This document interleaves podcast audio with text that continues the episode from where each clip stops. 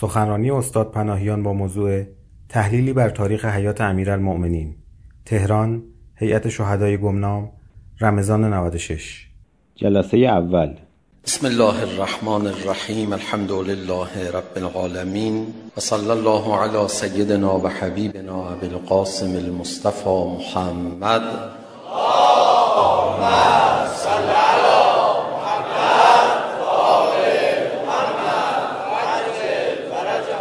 وآله الطيبين الطاهرين المعصومين لا سيما بقية الله في الأراضين روحي وأرواح العالمين له الفداء واللعن الدائم على أعدائه مجمعين إلى قيام يوم الدين رب اشرح لي صدري ويسر لي امری واحلل عقدة من لسانی یفقهوا قولی اساسا یکی از عبادت های ما ذکر علی ابن ابی طالب علیه السلام هست یاد حضرت مرور خاطراتی که از حضرت باقی مونده ذکر فضائل حضرت یکی از پرفضیلت ترین و پرثواب ترین عبادت هاست و سفارش کردن مؤمنین وقتی دور هم دیگه جمع شدن یادی از حضرت بکنن مدحی از حضرت بخوانند و بگویند و بشنوند. اینکه در برخی مجالس مؤمنین از سنت قدیم باقی مونده تا دور هم جمع میشن مد علی ابن ابی طالب میگند و شعری در مدح او در رسای مصائب او میگن از همین باب هست. و محبت و ارادت نسبت به امیرالمومنین علی علیه السلام عجیب در سرنوشت انسان تأثیر مثبت داره. به حدی که گناهکارانی که به یاد حضرت هستند و به حضرت ارادت دارن باید درباره اونها یه احترامی نگه داشت و باید منتظر عاقبت به خیریشون باشیم. نباید بر اساس مثلا ضعف ها و مشکلاتشون درباره اونها قضاوت بکنیم. خب ما در این جلسات میخوایم به یاد امیرالمومنین علی علیه السلام باشیم مروری بکنیم تاریخ حیات حضرت رو. امیر المومنین علی علیه السلام زندگیشون از ابتدا عجیب بود. خب داستان به دنیا اومدن ایشون در خانه کعبه داستان فوق العاده پر رمز و رازی است. هم اون زمان یک اتفاق نادر و بسیار عجیب بود و هم هنوز بعد از 1400 سال آدم درباره این موضوع میخواد فکر کنه باز احساس میکنه که این واقعه واقعه ساده ای نیست. من با طرح بحثی در این باره میخوام توجه شما رو به اهمیت موضوع جلب کنم. چرا خود پیامبر اکرم در خانه کعبه به دنیا نیومدن؟ یقینا مقام پیغمبر اکرم بالاتر از امیرالمومنین علی علیه السلامه. یقینا امیر المومنین علیه السلام درست فرمودن که فرمودن انا عبد من عبید محمد صلی الله علیه و آله و سلم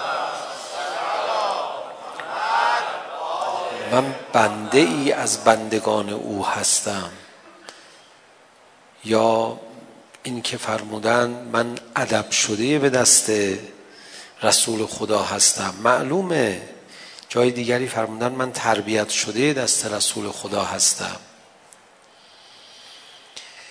معلوم دارایی های ابتدایی که پیامبر اکرم داشتن امیر المومنین علی علیه السلام نداشتن و به دست رسول خدا کمالات پیدا کردن. اگرچه دارایی های ذاتی امیر المومنین علی علیه السلام هم بسیار فراوان بوده فراوانتر از دیگر ائمه هدا و حتی دیگر از انبیا.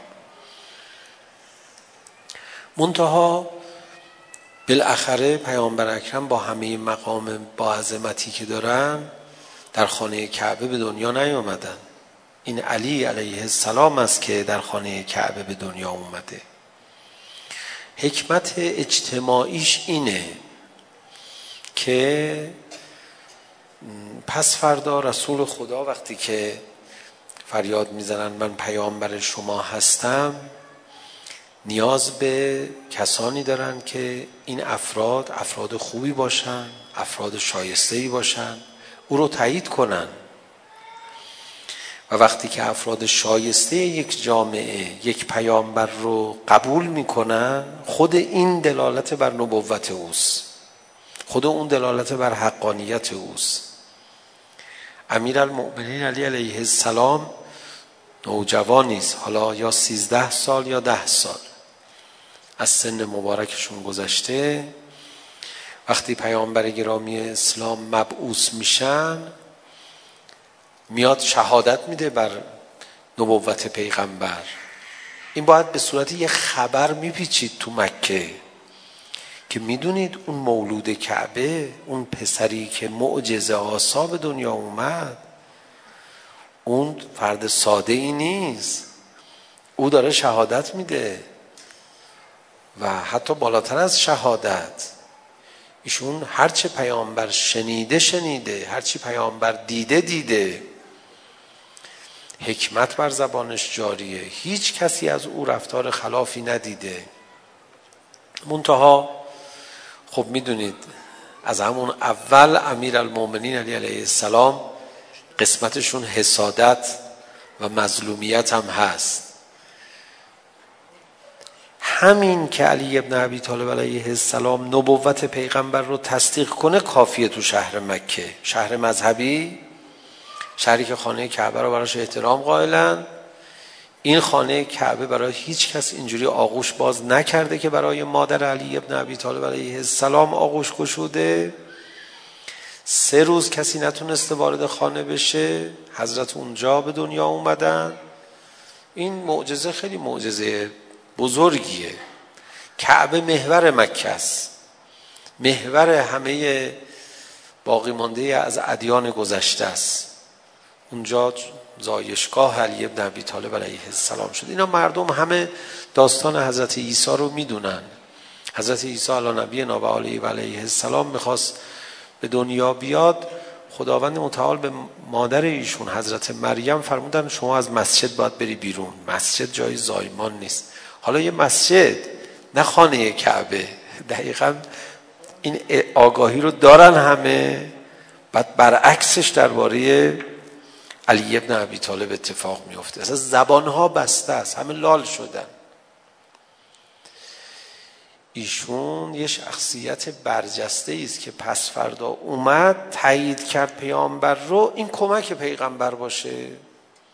کار رو سهل کنه برای بقیه. معجزه ای به تایید او آمد.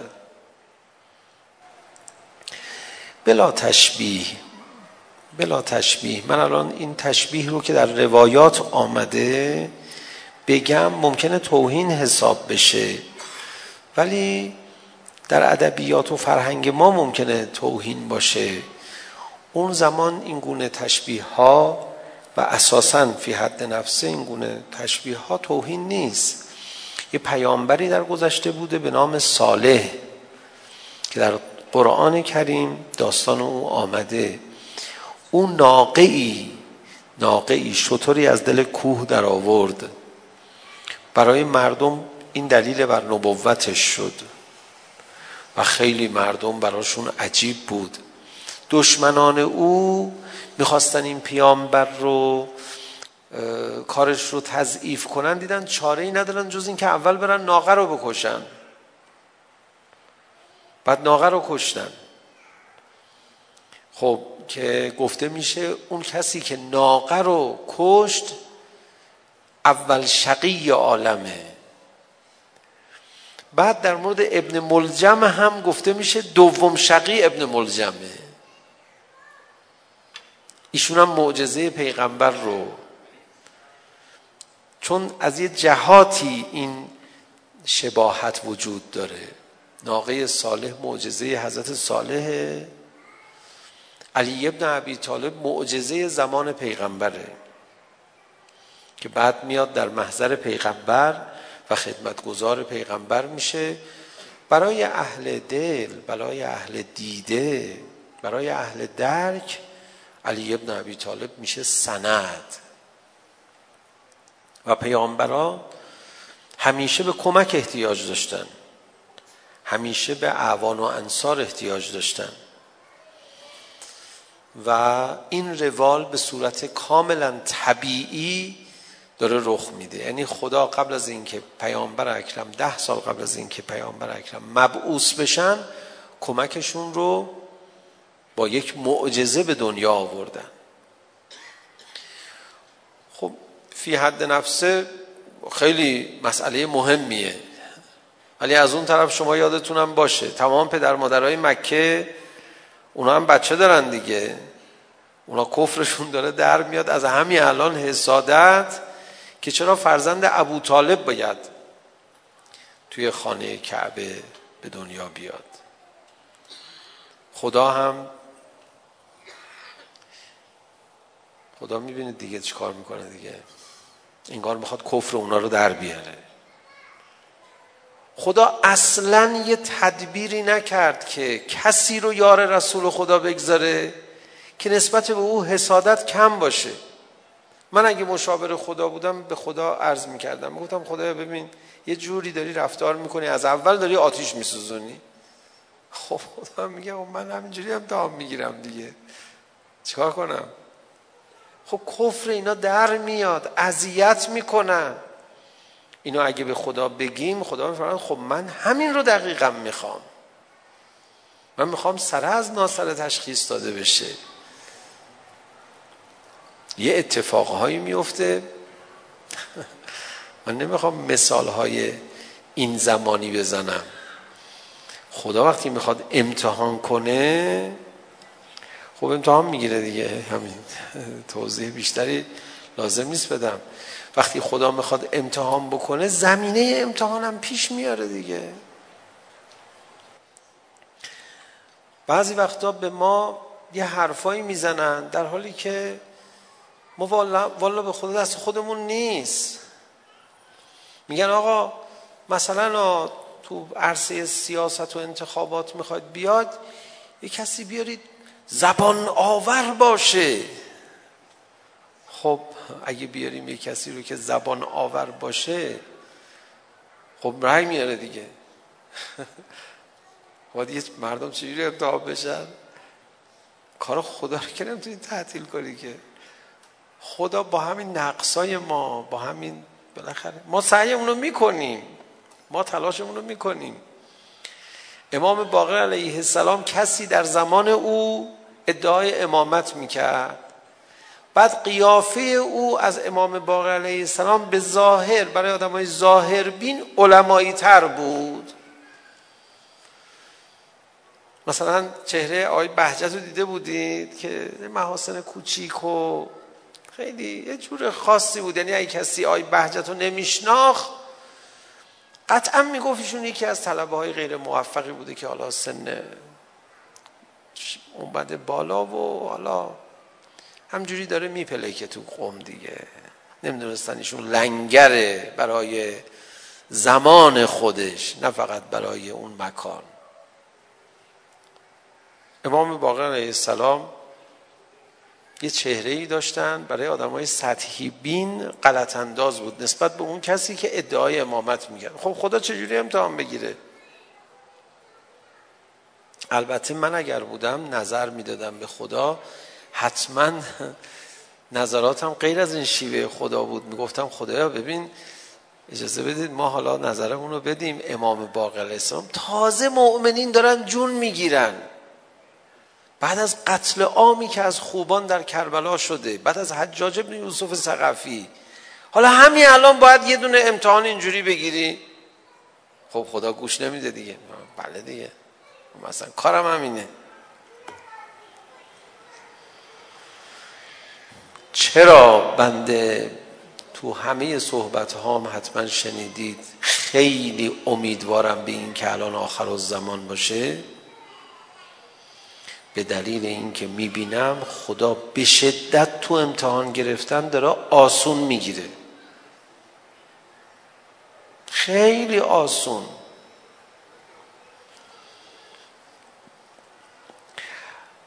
فتنه ها رو زود تمام میکنه. فرمود لا تکره الفتنه فی آخر الزمان. دیگه این بحثا رو با هم کردیم قبلا.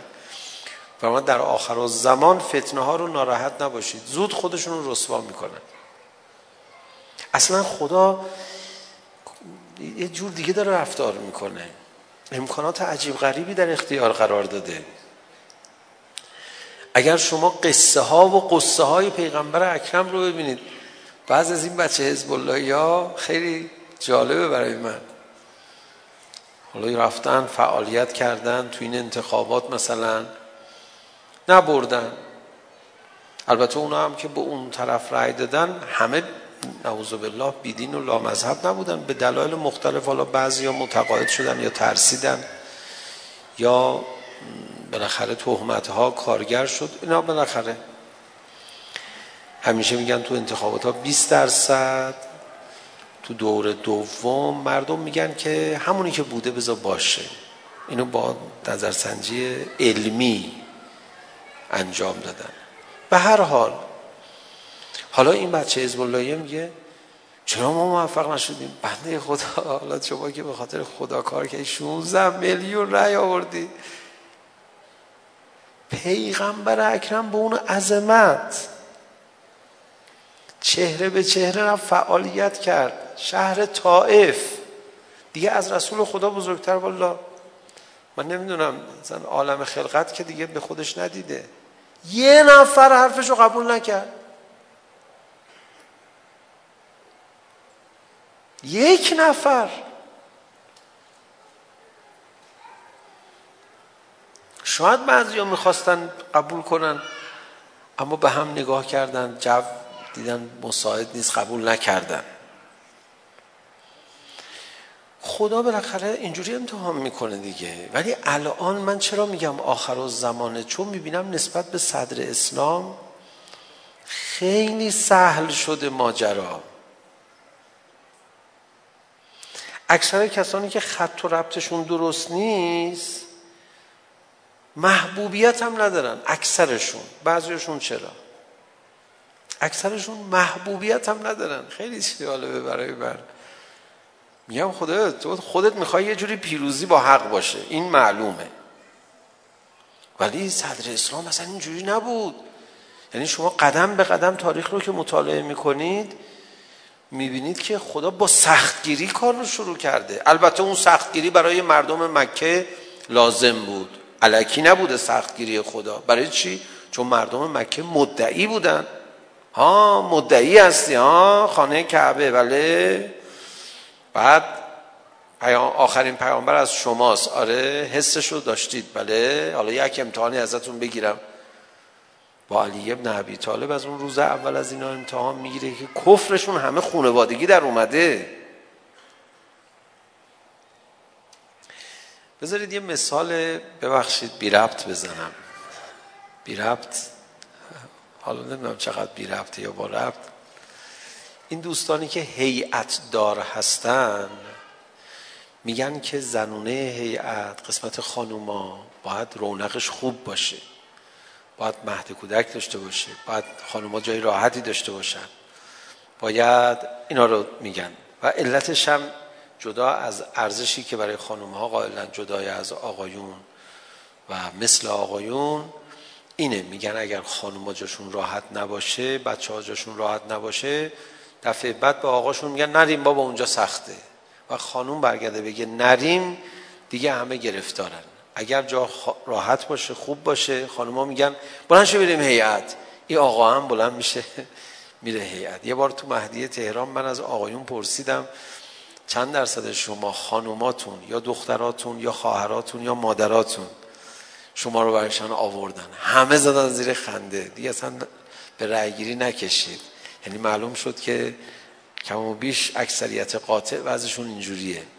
واقعا همینطوره. نقش بانوان در انقلاب اسلامی نقش بانوان در دفاع مقدس. بانوان ایمانشون قوی باشه و محبتشون عالی باشه. دیگه کار اون جامعه درسته.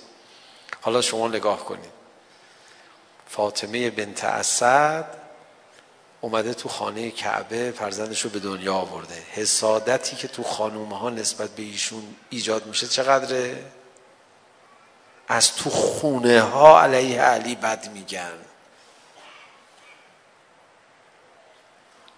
دقیق فرمودید دیگه چقدر اینا تأثیر دارن با بدگویی از سر این حسادت معنوی که ایجاد شده آخه اونجا هم شهر مذهبی مثل تهران نبوده که مثل قوم نبوده که قوم هم شهر مذهبی هست ولی همه حول حضرت معصومه زندگی نمی کنن. اونجا همه حول کعبه زندگی می کردن. اصلا کل مردم مکی به نوعی متولی خانه کعبه بودن به تعبیر امروزی های شهر توریستی زیارتی بوده و اینا نونشون درآمدشون از خونه کعبه بوده. همه در حال تواف این خانه خدا بودن. تو مشهد خیلی ها هستن اصلا زیارت نمیرن سال یه بار. تو قم هستن ممکنه زیارت نرن. مثلا یه روستای کوچیکی رو فرض کنید که دور یه امامزاده شکل گرفته. بعد مردم نونشون از این امامزاده و ظاهرین امامزاده است. خب اینا ارتباطشون فرق میکنه.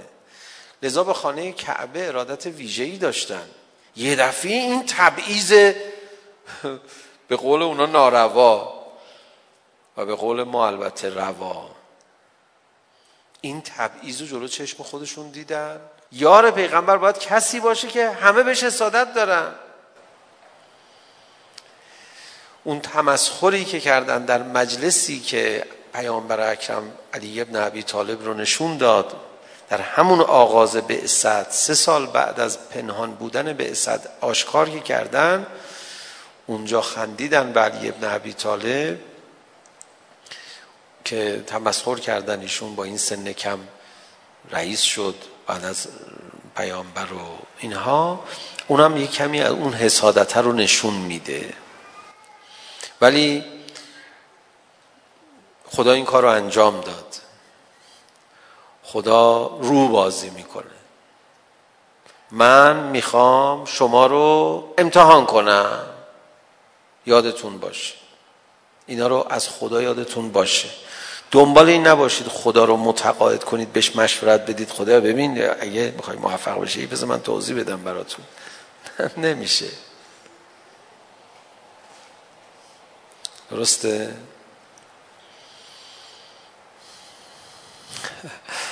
حالا دیگه نمیخوام مثالای امروزی بزنم. بالاخره یه کسی از یه گوشه میاد با نمیدونم نامزد شما یه عکسی میگیره و وا یه دفعه زمینه ای میشه برای تمسخر خیلی ها. بابا این از کجا اومد؟ این چی شد؟ چه جوری بود؟ حالا بگو درست. نه آخه به مصلحت هست نیست. امتحانش رو خدا گرفت. اگه از دنبال بهونه بود میخواست دب بکنه یا علی؟ کسی بخواد دب بکنه خدا زمینش رو پدید میاره. خدا به دل آدما خیلی نگاه میکنه. شب قدر در پیشه. مقدرات شما بر اساس ته ته ته ته دلتون تنظیم میشه. مقدرات وقتی یه کسی هی دنبال در رفتنه خدا میفرماد ملائکه من این یه زمینه براش یه جوری درست کنید بره دیگه. چه معطل شده اینجا؟ میگه نه آخه خانوادهش مذهبی اینا نمیتونه در بره. هی دلش ولی اون وره یه رفیق ناباب بز سر راهش. میگه رفیق نابابم گذاشتیم منعرف نشده. چون باباش خیلی مهربونه خوبم هست روش نمیشه بیدینی بکنه. خب باباشو یه کاری کنه یه اشتباهی بکنه این بعدش بیاد از باباش بره دیگه کفر ما رو در آورد. حالا به تعبیر من. حالمون به هم خورد اینجا وایساده هی دلش اونوره. یه کاری کنید باباش اشتباه کنه این بره. بالاخره جور میکنه بهونه رو. و وقتی که میره اون داره به هرس و جوش فکر میکنه یه غلطی داره میکنه. ها اینجوری منم ول میکنم میرم. ها اینجوری. خدا میخنده بشه. برو برو شرت کم حالم به هم میخورد تو وقتی میومدی تو این بچه مذهبی ها. بهونه تو جور کردم. برو دیگه. خیلی جالبه. یه نفر تو فتنه 88 ضد انقلاب شد. قبلش خیلی حزب اللهی بود.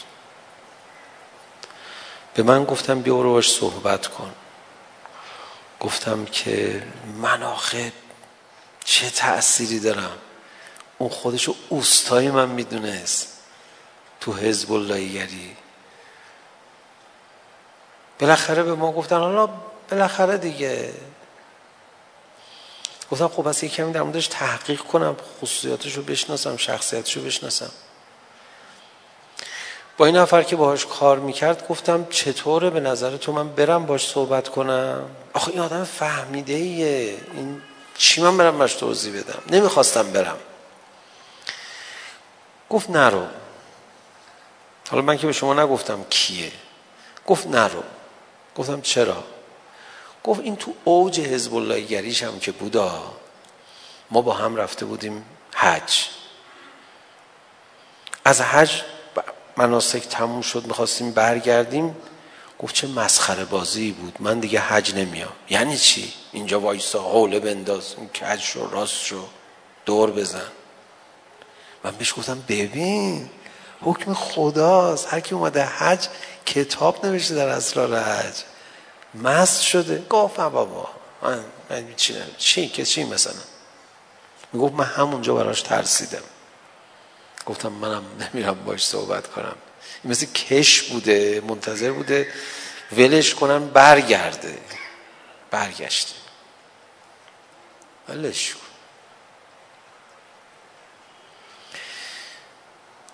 مردم مکه روشون خیلی زیاد بود با این میلاد امیر المومنین علی علیه السلام تو خانه کعبه خدا روشون رو کم کرد عرض خودم رو تمام کنم. میخواستم از کودکی امیر امیرالمومنین هم مطالبی برای شما امشب بگم غیر از میلادش. ولی بگذارید بمونه برای فردا شب و فرصت‌های دیگه. امیر امیرالمومنین علی علیه السلام کلن تا آخر عمر همین نقش رو داشت. رو کم کن بود. نامش رو ببینید. علی. با حسن با حسین چقدر فرق میکنه با احمد با محمود چقدر فرق میکنه این نام ها هم حساب شده است مظهر علو و عظمت خداست کسی تکبر داشته باشه با علی مواجه بشه بهش بر میخوره نه اینکه امیرالمومنین اخلاقش بد باشه یه جوری میشه که اینجوری میشه اصلا اون میلادش نگاه کن میلادش در خانه کعبه کفر بقیه رو در آورد. اصلا تا آخر عمرم همین جوریه. موقع جان دادن ما هم امیرالمومنین میاد سراغمون. ما میبینیم حضرت رو. حضرت ما رو میبینه. تکبر تو دلمون باشه نسبت به مولا. همونجا میخوایم غضب کنیم. میخوایم موزه بگیریم. هیچ حسابمون پاکه. تواضع داشته باشیم. یه دفعه دوستش می‌داریم. چقدر تو نازی. دورش می‌گردیم. امیرالمومنین نقش چی داره؟ نقش امتحان کننده حالا من انشالله شبهای بعد در مورد نقش متفاوت امیر المومنین علی علیه السلام با پیامبر گرامی اسلام برای شما صحبت خواهم کرد. مثلا فرض بفرمایید ما یه جایی رو داشته باشیم بخوایم مردم رو دعوت کنیم. بگیم مردم بیاید عضو این تعاونی بشید میخوایم اینجا یا عضو این مدرسه بشید میخوایم اینجا یک مدرسه خوبی را بندازیم دبستان خوب دبیرستان خوب. یا مثلا چی بفرمایید؟ کاروانی رو را میخوایم بندازیم بریم کربلا مردم بیاید.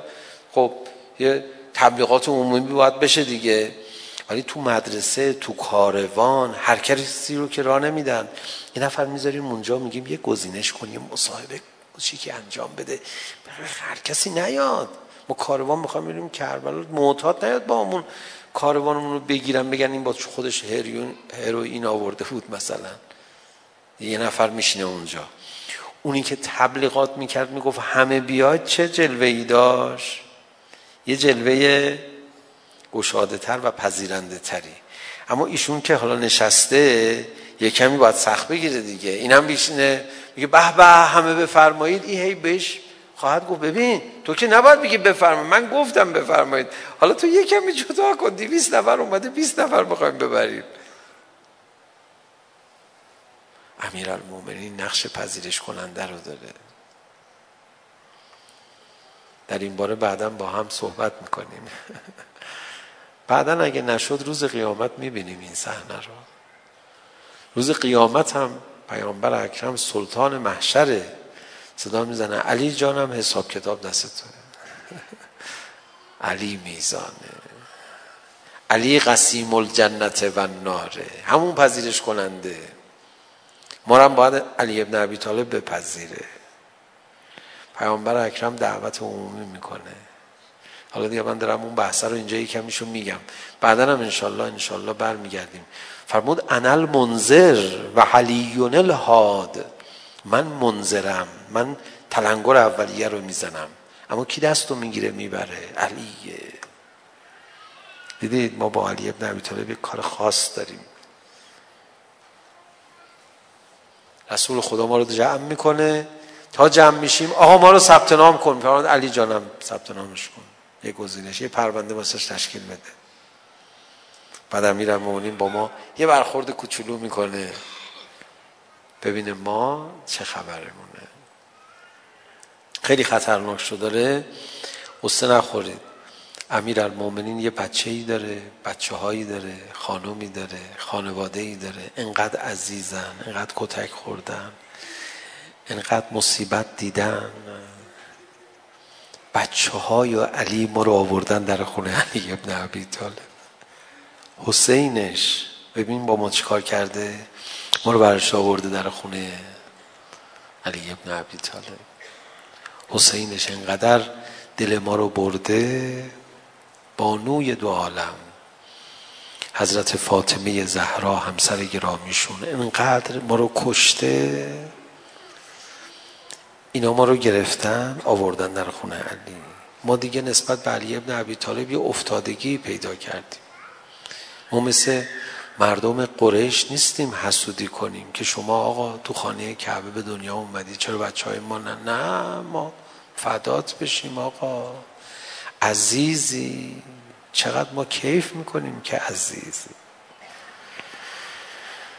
چقدر ما خوشحالیم روز عید قدیر خدا تو رو امام ما قرار داد. چقدر قشنگه. امشب بریم در خونه حضرت زهرا. ما داریم میریم مهمونی از مادر یه لباس نو یه لباس تازه بگیریم. یا فاطمه زهرا. ما این توسل رو به اربابمون ابا عبدالله الحسین شب جمعه پیدا کردیم اینجا. یا حضرت زهرا میخوایم بریم مهمونی اما لباسمون آلوده است. هیچ مادری راضی نمیشه بچهش با لباس آلوده بره مهمونی. میگه نه صبر کن بچم آبروش میره اصلا آبروی بچه رو آبرو خودش میدونه. و مادر هم میدونید دیگه. بچه ها لباسشون رو کثیف میکنن. ممکنه یه اخم کوچولو بکنه بگه که چرا لباس تو کثیف کردی؟ اخم مادر کوچولوه. اصلا تو دلش هم نمیگیره. نقش مادر همینه. لباس بچه رو عوض میکنه لباسش رو تمیز میکنه مثل دست گل. اصلا هم گله نمیکنه. بچه ها هزار بار لباس خودشون رو کثیف بکنن. یه وقت کسی نگه حضرت زهرا منو تحویل نمیگیره ها یا فاطمه امشب ما اومدیم در خانه تو سی شب ماه رمضان از این مجلس به اون مجلس میریم آواره در خانه شما با ابا عبدالله الحسین هستیم یه جورایی انگار بهتر از محرم بیشتر از دهه اول محرم ما در خونه شما هستیم یا فاطمه خیلی ها تو این ماه رمضان بخشیده میشن. شبای قدر شب میلاد امام حسن مجتبی شب جمعه اول ماه رمضان. دیگه هیچ کی بخشیده نشه تو این شبها شب آخر. اما مادر ما رو امشب دستمون رو بگیر. امشب. از فردا درک کنیم رمضان رو. یه روزم که روزه بودیم تابستانه. بالاخره هوا گرمه ساعتها طولانیه. در آستانه تابستانیم. یه ذره لب تشنگی حسین تو رو کشید یه ذره. البته ماها استراحت کردیم اما حسین تو می جنگید زخمی می شد به حق حسینت مادر دست ما رو بگیر. شما گریه می کردی برای اینکه وحی منقطع شده قرآن پایان یافته. چه درک عمیقی از قرآن داشتی؟ ما در ما قرآن رو نمیفهمیم. یه کاری کن ما قرآن رو بفهمیم ازش لذت ببریم. گرفتاریایی که مانع عبادت میشه این گرفتاریای ما رو مادر امشب به کرمت به لطف مادرانه خودت برطرف کن. هر موقع پدر هم میخواد تنبیه کنه بچه رو این مادر شفاعت میکنه. میگه نه حالا ببخشش. به خدا اگر شما امشب ما رو شفاعت کنی مولا علی ابن عبی طالب هم میگذره هرچی از ما دیده. کاستی رو تموم خواهد کرد. یا امیر المؤمنین ما امشب در خانه فاطمی زهرا اومدیم. به خدا دستامون رو نگاه کن. دستامون آلوده به گناه هست. ولی هیچ کدوم دستمون هیزم نگرفتیم بیایم در خانه خانهشون هیچ کدوم تناب نیاوردیم. دستامون رو سینه گذاشتیم با احترام. الا لعنت الله علی القوم الظالمین. بیان معنوی نقطه آی آر.